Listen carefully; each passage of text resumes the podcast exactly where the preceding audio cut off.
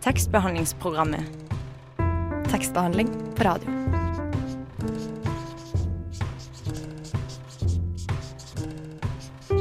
Tekstbehandlingsprogrammet.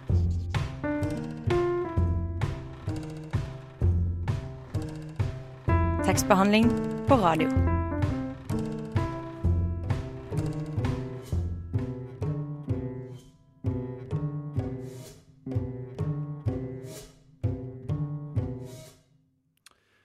Kjære lytter.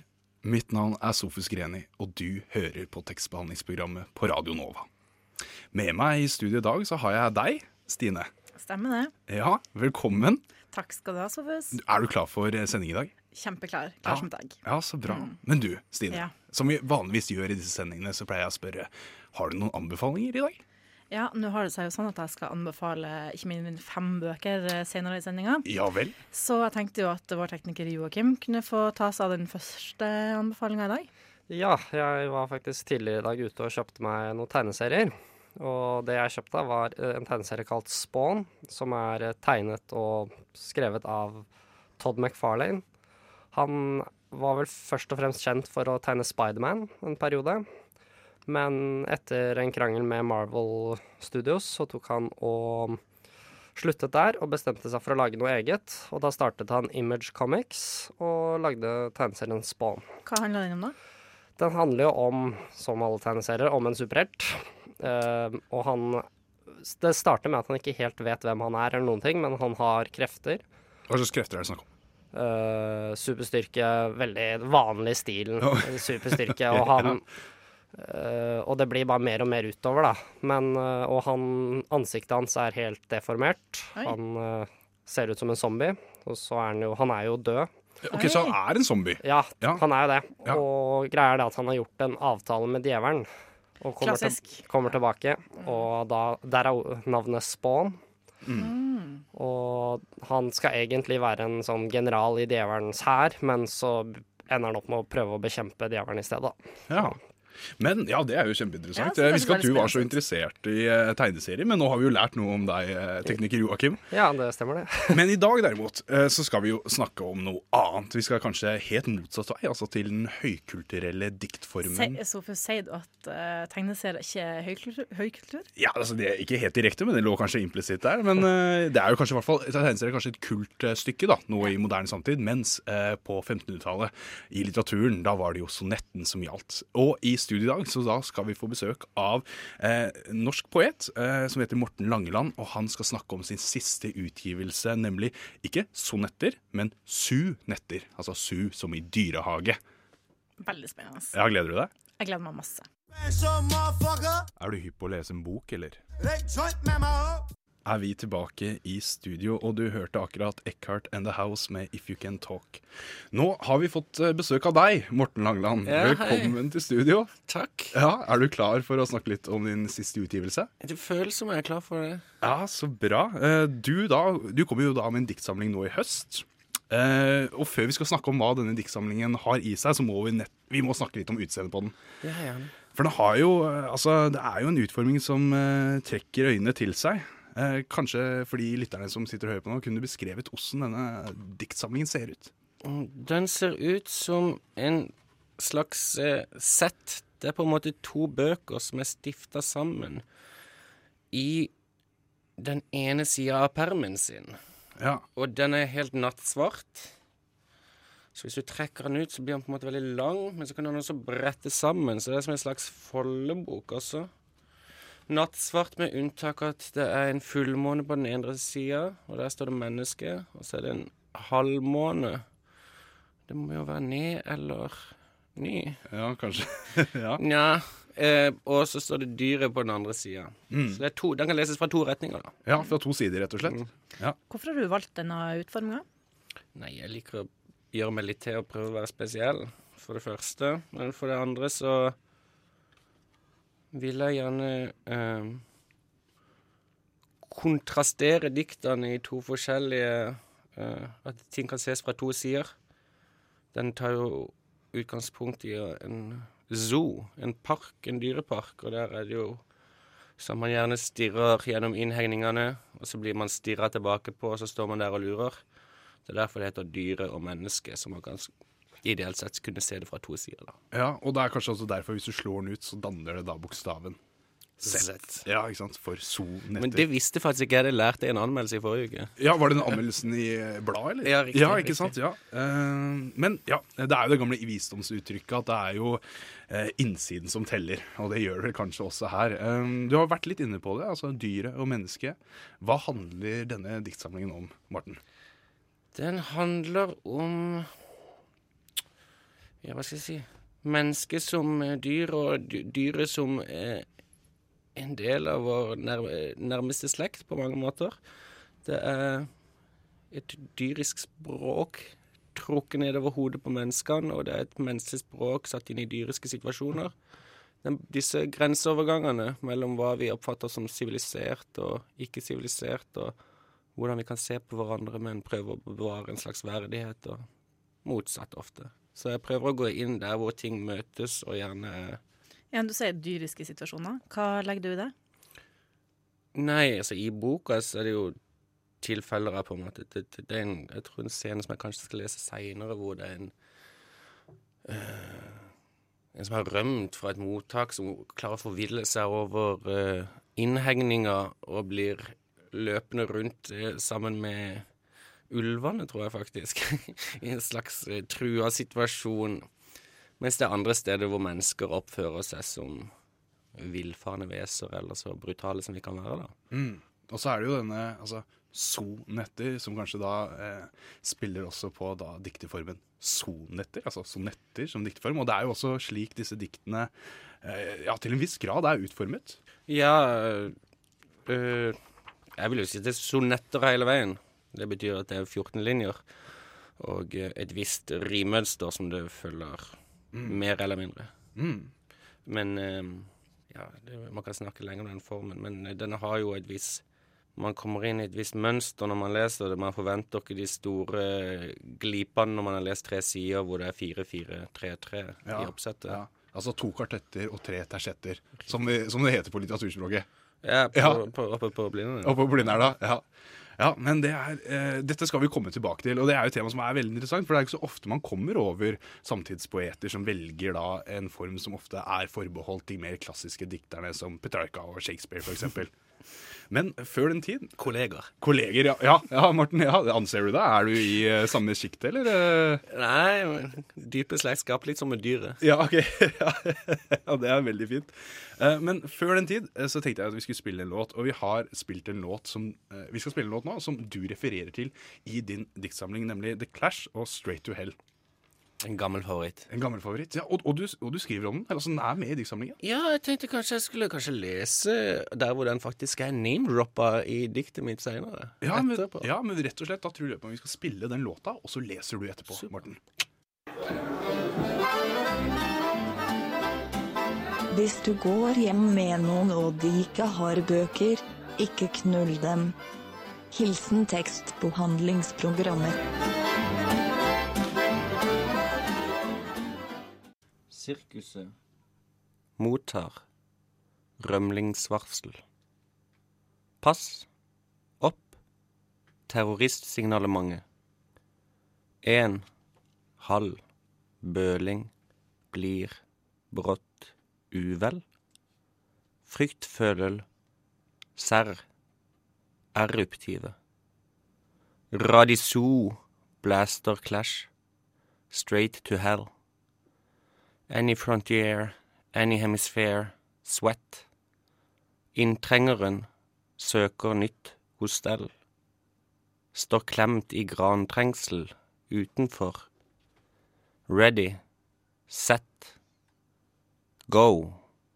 Asylanten buldrer over, revner, ullgenser i piggtrådsgjerde, kaster stein på ulven, iler utenom én, med senskader, Luskene i buer, rømlingen svinger en kjepp, hveser, uler, til firehjuleren har gjort ende på scenen. Takk for det, Morten. Takk. Eh, diktene er jo skrevet i en eh, streng form. eh, Sonetter som vi jo snakka om. Eh, kunne du fortalt litt om hvorfor du valgte den formen? Eh, ja, det kan jeg. Uh, jeg hadde et stort, stort materiale med one-liners, eller vers som man kaller det, som jeg hadde skrevet i forbindelse med å lage en slags poesimaskin i Bergen. Og så tenkte jeg helsike, nå må jeg få noe ut av det. Jeg skriver ikke så ofte, jeg må liksom få noe ut av det jeg har gjort. Så tenkte jeg jeg må ha en fast form, så jeg kan prøve å applisere det inn i den formen. Jeg trodde det skulle være lett gjort. Og så gikk jeg nedover eh, hva heter den, tre, Stensgata, og så tenkte jeg plutselig Zonetter. Og så var det bare rett hjem og fylle inn sonetteformen.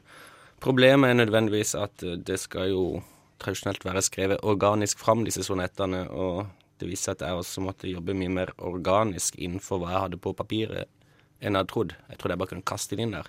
Ja, for det er ganske strenge metrikker og rimmønstre, og rytmen skal være på plass. Det virker ikke som om du bare kan ta setninger helt løst ut og prøve og sette det inn. Har, Nei, var det vanskelig? Det ble et helsike så Ja. problem. Men uh, det var mange gode Hva skal jeg si Små bilder, enkeltsekvenser, uh, meninger osv. som jeg kunne ta videre. Så bare gikk jeg og samla rimer. Altså, for jeg prøver å følge samme For å si sånn Første linje skal rime på tredje linje, som skal vi rime på femte, og så på syvende. Og det er samme utgang på det rimet i alle 36 diktene. Ja. Og det er appell, vinkel, skjell, forskjell, jeksel, engel. Som du hører, dette er ikke perfekte rim på noen måte, men EL-utgangen er ganske vanskelig på norsk. Ja, så de, de, forholder seg ikke kun, de rimene forholder seg ikke kun i det enkelte diktet, men det strekker seg over i alle diktene. Det skal være samme system Ja. i alle diktene. Ja, ikke sant? Det hadde jeg ikke tenkt på før du sa det nå. Bortsett fra at jeg f.eks. sier regnet og skinnet. Altså Vokalrim er vokalrim. eh, trykksterk og trykksvak Ja, ja, er utgang på den ene. Ja, ikke sant? Ja. Eh, og forrige låta vi spilte nå, uh, er jo en låt som du har valgt. Det er jo The Clash Straight to Hell. Uh, og den er jo også referert i diktsamlinga som, ja, fra det diktet som du leste akkurat nå. Hvorfor eh, Diktene dine er jo ganske referansetunge.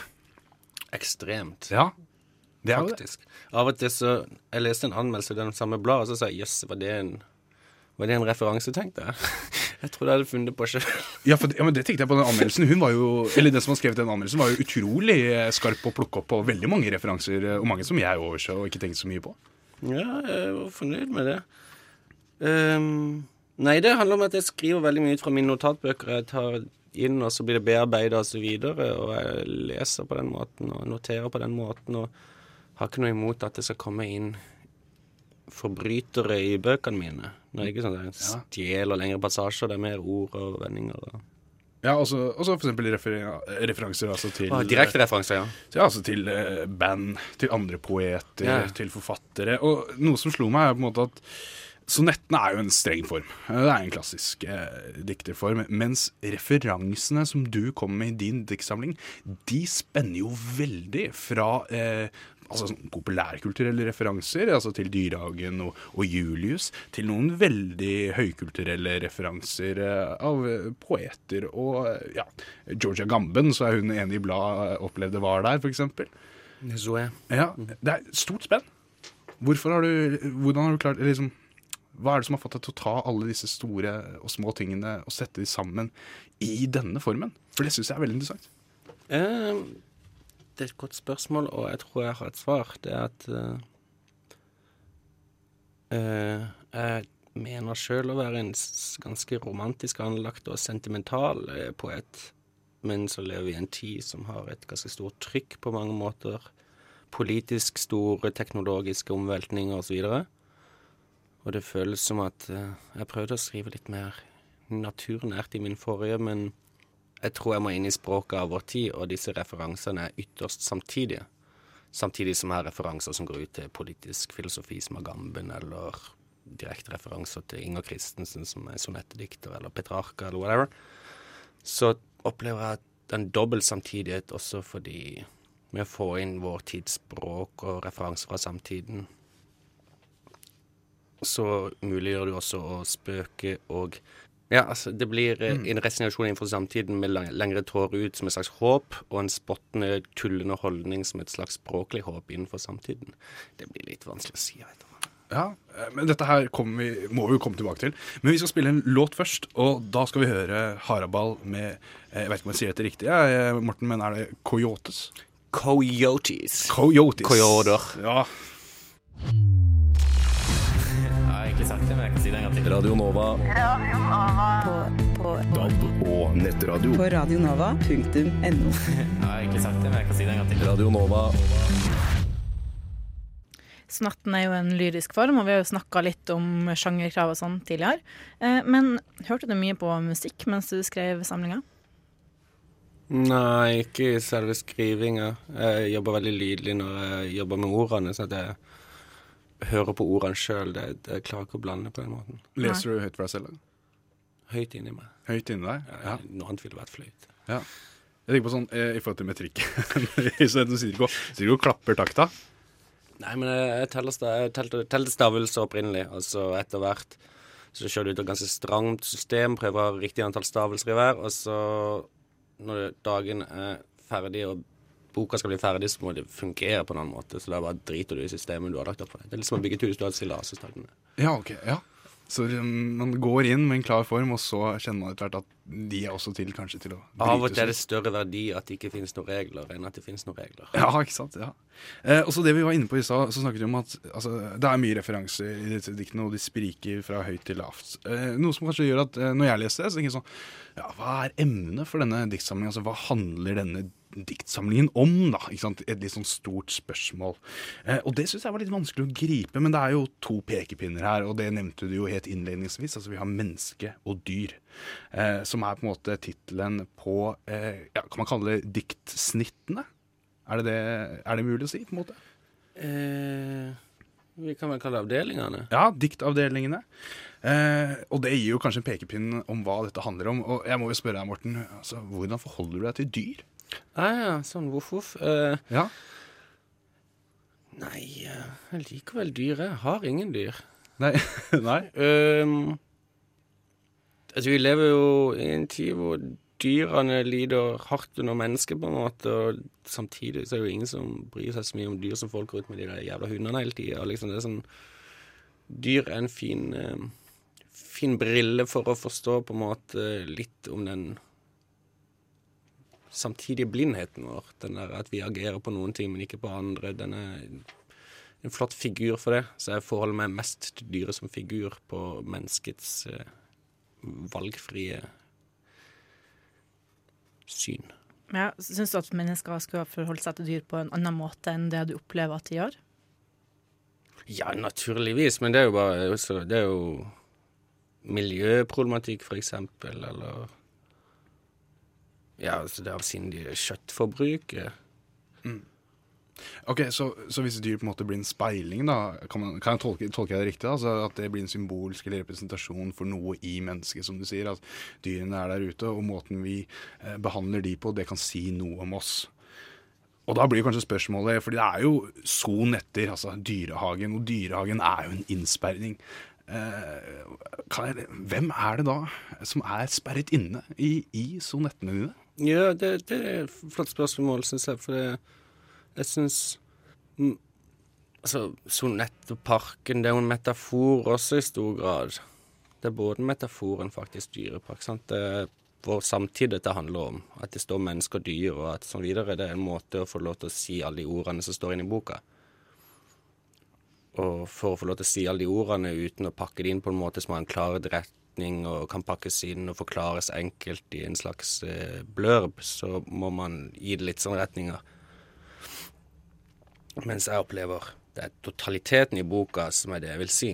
Alt dette foregår parallelt. Alle disse utsagnene er mulig, alle disse utsagnene fins. Det går an å det ene øyeblikket bestille en cola eller ta en karnevalbane, og i det neste tenke på hvilket lotto livet eller det å bli født der, og så spise en burger, og så samtidig se en sjiraff bli spidda i hjel i dyreparken, på en måte. Altså, alt dette skjer parallelt. Ja, Vil du da si at du er en politisk poet? Ja, i høyeste grad fordi det handler i disse dager, hvis man ser litt straight på det, altså jeg lager en bok her som selger vel 300 eksemplarer. Det eneste jeg kan gi til verden, er en måte å bruke språket på. En måte å tenke på min eh, anstendighet og prøve å gjøre det best mulig innenfor det. Så, og det betyr mye for meg, Ja, hvordan man bruker språket. Du, altså, kan jeg tolke det litt at du er bevisst på din plass som forfatter og som poet? Ja, altså hvis dette skal være mitt slags yrke, og, eller mitt virke, i det minste, eh, så vil jeg gjøre det best mulig. Jeg har store ambisjoner innenfor det, og har brukt mesteparten av mitt voksne liv på å prøve å lære meg det.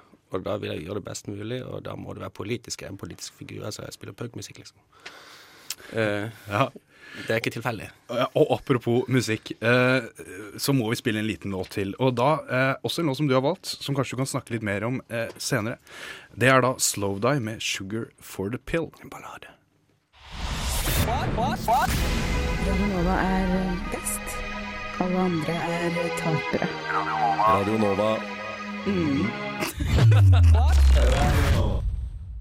Ja, da skal jeg lese et dikt til. 'Gravstein for Melvin' heter det. Melvin er denne sjiraffen som satt hodet fast mellom eh, Hva heter det Pålene i gjerdet i Kristiansand dyrepark, og så kom det en sånn stor antilope og spidde av Melvin, da. Så Melvin døde, fem år gammel. Gravstein for Melvin. Her er det også et linje som er tatt fra den sangen vi just hørte. Det er 'Måkebøsse surfer med vinden'. A pack of gulls surfing on the wind, tror jeg han begynner med å si i den forrige sangen. Men her kommer diktet, Gravsten fra Melvin. Antilopen spiddet sjiraffot. Savannen er stor nok for artene. Mais oui, je suis en sjiraff, mademoiselle. Og latterliggjort i nekrologene. Publikumsdeggen var skulpturell. Han kuslapp fjerten. Sloppy metanekspert følte på indre skumring uten trodivel. Sånt blir glemt i hjeners brådype fert. I samvær under tilsyn, når stiv heks sprer beina, og det elskes på HC-WC-er, mens måkebøsse surfer med vinden. Sensasjoner og appetitt forsvinner. Nyanser blinder, men tårer rinner. Over dagen langhals satt støkk i grinden. Takk for det, Morten. Eh, hvorfor Nå hørte vi jo 'Slowdive' før du leste diktet som ble innleda av førstelinja i sangen. Eh, men hvorfor valgte du den sangen til å bli spilt, og hvordan dukka sangen opp som referanse i boka?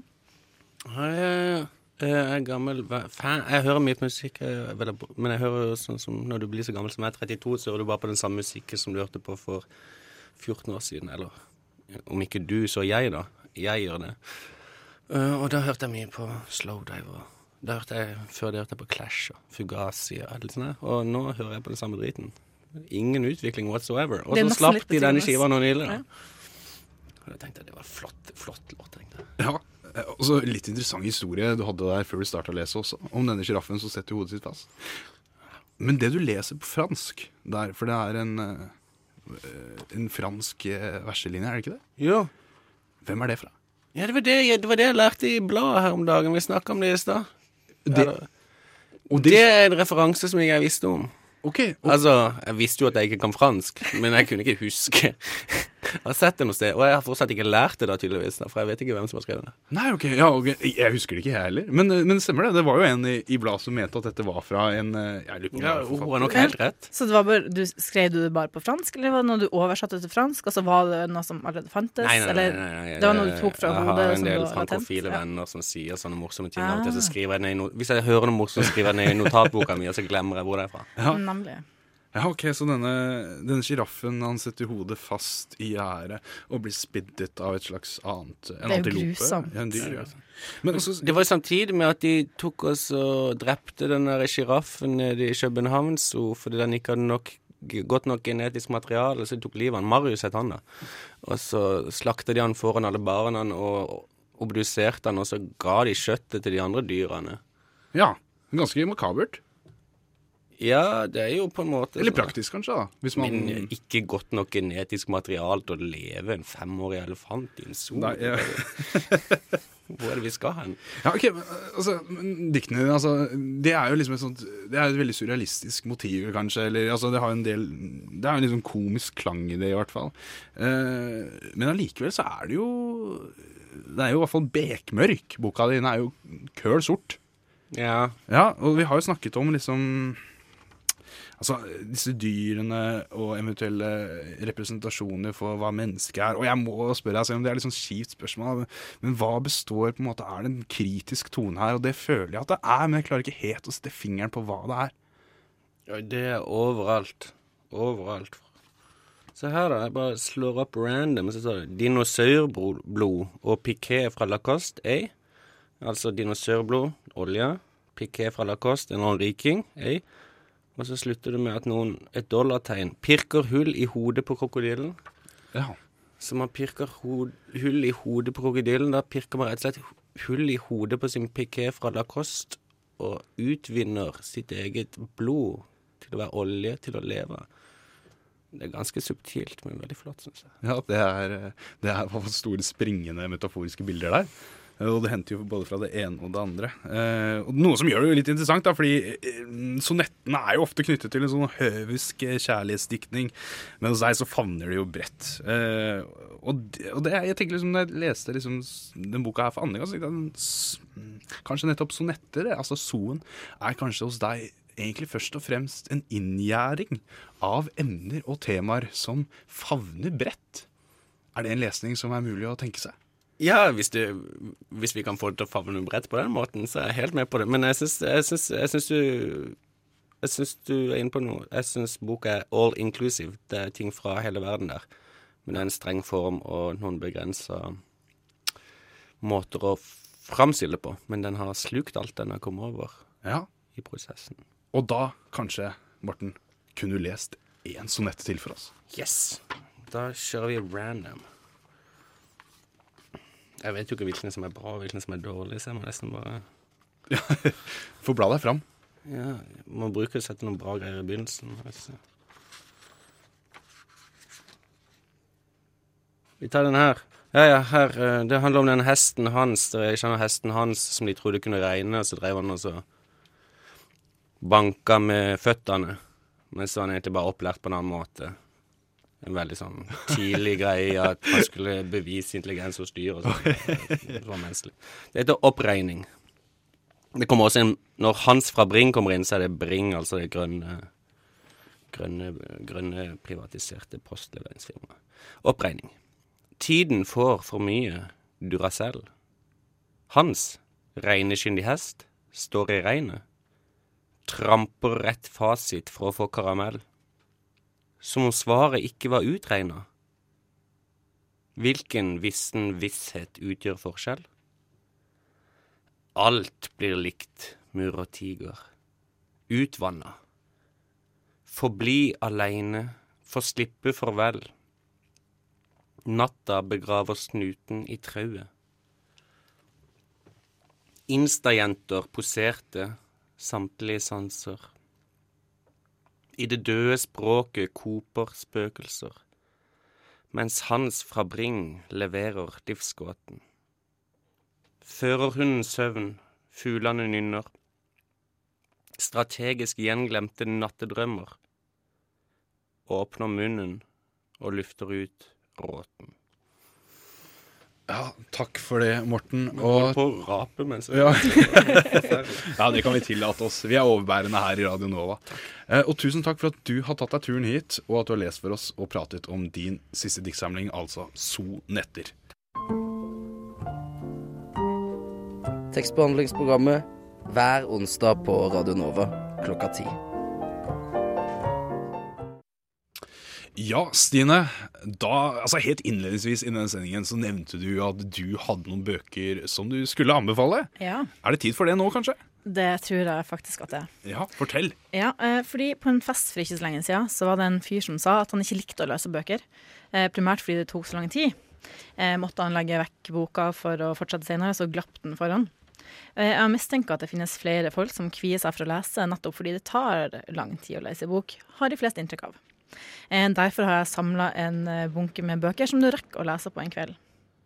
Ifølge hurtiglesning.no så leser man i gjennomsnitt 250-300 ord i minuttet. Det er omtrent ei side i tilfeldig bok. Ei bok på 120 sider bruker man derfor omtrent to timer på. Med et par eh, små forstyrrelser og drikkepauser så kan vi godt ringe, runde opp til en kveld, eller en formiddag, da. Samtlige bøker i den bunken som jeg har tatt med meg i dag, er under 120 sider. Så på forhånd, vær så god. Første bok er Svar på brev fra Helga av Bergsvein Birgersson. Den er oversatt fra islandsk til nynorsk av Johannes Gjerdåker og gitt ut på Pelikan. Boka er 109 sider. Den er et uh, sauebondes svar på et brev som han fikk for lenge siden, eh, av ei elskerinne som han hadde for lenge siden, og som kanskje var hans livskjærlighet. Boka er full av lengsel og erotiske skildringer, både morsom og treffende.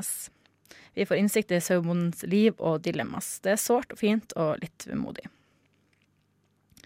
Mens vi snakker om forelskelse og poetisk håpløshet, så er neste anbefaling også på 109 luftige sider fra Pelikan. Det er Kenneth Moes 'Rastløs', som han vant Tarjei Vesas debutantpris for. Forelskelse er det mest gjennomgående i boka, som med første lesning forestår, øh, fremstår som ei øh, svært velformulert dagbok. Men siden fanger, og noen av dem er mer luft enn tekst, og den er tidvis øh, svært presis om forelskelse, som de fleste sikkert kan kjenne seg igjen i. Tidvis handler det mest om litteratur og hennes forhold til nevnte og til livet. Jeg leser eh, hele side 92. En erotisk fantasi, nesten. At jeg ikke skriver dette, men hvisker det alt sammen i øret. Neste bok eh, rekker du å lese på null komma niks, og det er Mari Tveita Staggrims 'Det jeg leter etter, finnes, finnes ikke her'. Også her finner vi luftige sider, 95 totalt. Romanen er utgitt på Kolon forlag. Stagrim eh, skriver fint og sårt og ganske ondt om eh, ungdomsliv, oppvekst og vennskap. Historien handler om eh, to jenter som blir venner da den ene er ny på skolen. I korte tekstbolker drives fortellinga framover. Stemninga er tydelig og alvorstung. Gjentagelsene brukes perfekt. Det står mye mellom linjene, og man skjønner fort at det ikke er noe solskinnshistorie. Det er vennskap man kan kjenne seg igjen i, særlig om man har vært jenta på 12-13 år, og også om du ikke har vært det. Side 83 i boka oppsummerer seg sjøl og livet ganske greit, egentlig. Barnet blir født med fornemmelsen av eh, og en forestilling om tryggheten, som den selvfølgeligste ting. Verden bryter mot dette. Neste anbefaling kommer fra Cappelen Dam på 96 sider, eh, og er Fredrik Svinlands debut, debut eh, 'Pelargonia'. Den handler også om oppvekst. På baksida av boka står det at 'Pelargonia' er en oppvekstroman uten handling, men samtidig en beskrivelse av barndom i Norge på begynnelsen av 90-tallet. Som nå og da skaper forbindelser til både ungdom og øh, ung voksenalder. Noe som selvsagt er ganske treffende. Det er ikke handlingen som er i fokus i Svinlands bok, det er skildringene og scenene. Siste bok jeg skal anbefale, er på 125 sider og får bli med selv om den er for lang. Eh, fordi det er en av mine absolutte favorittbøker.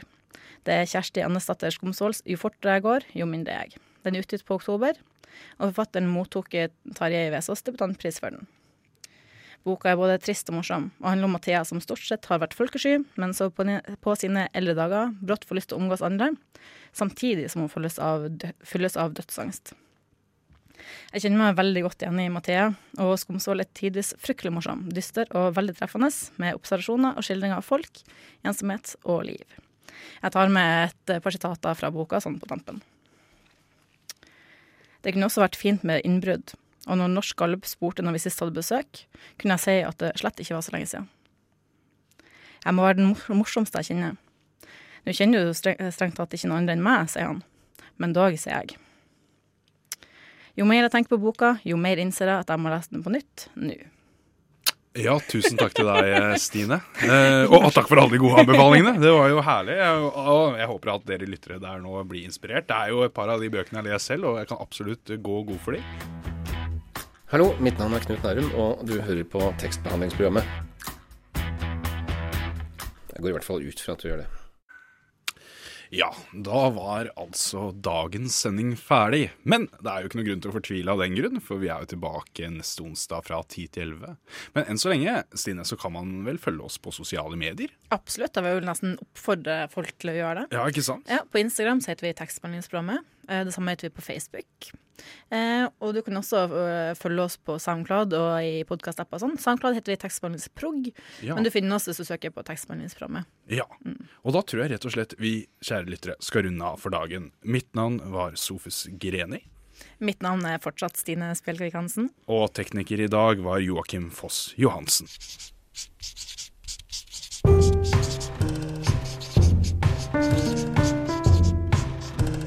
Tekstbehandlingsprogrammet.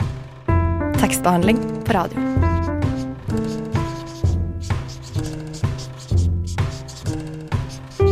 Tekstbehandlingsprogrammet.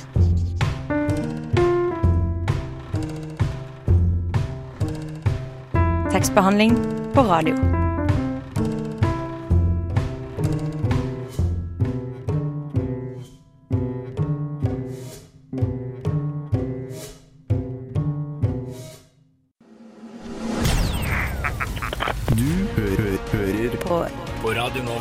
Radio Nova. N-O-V-A Nova.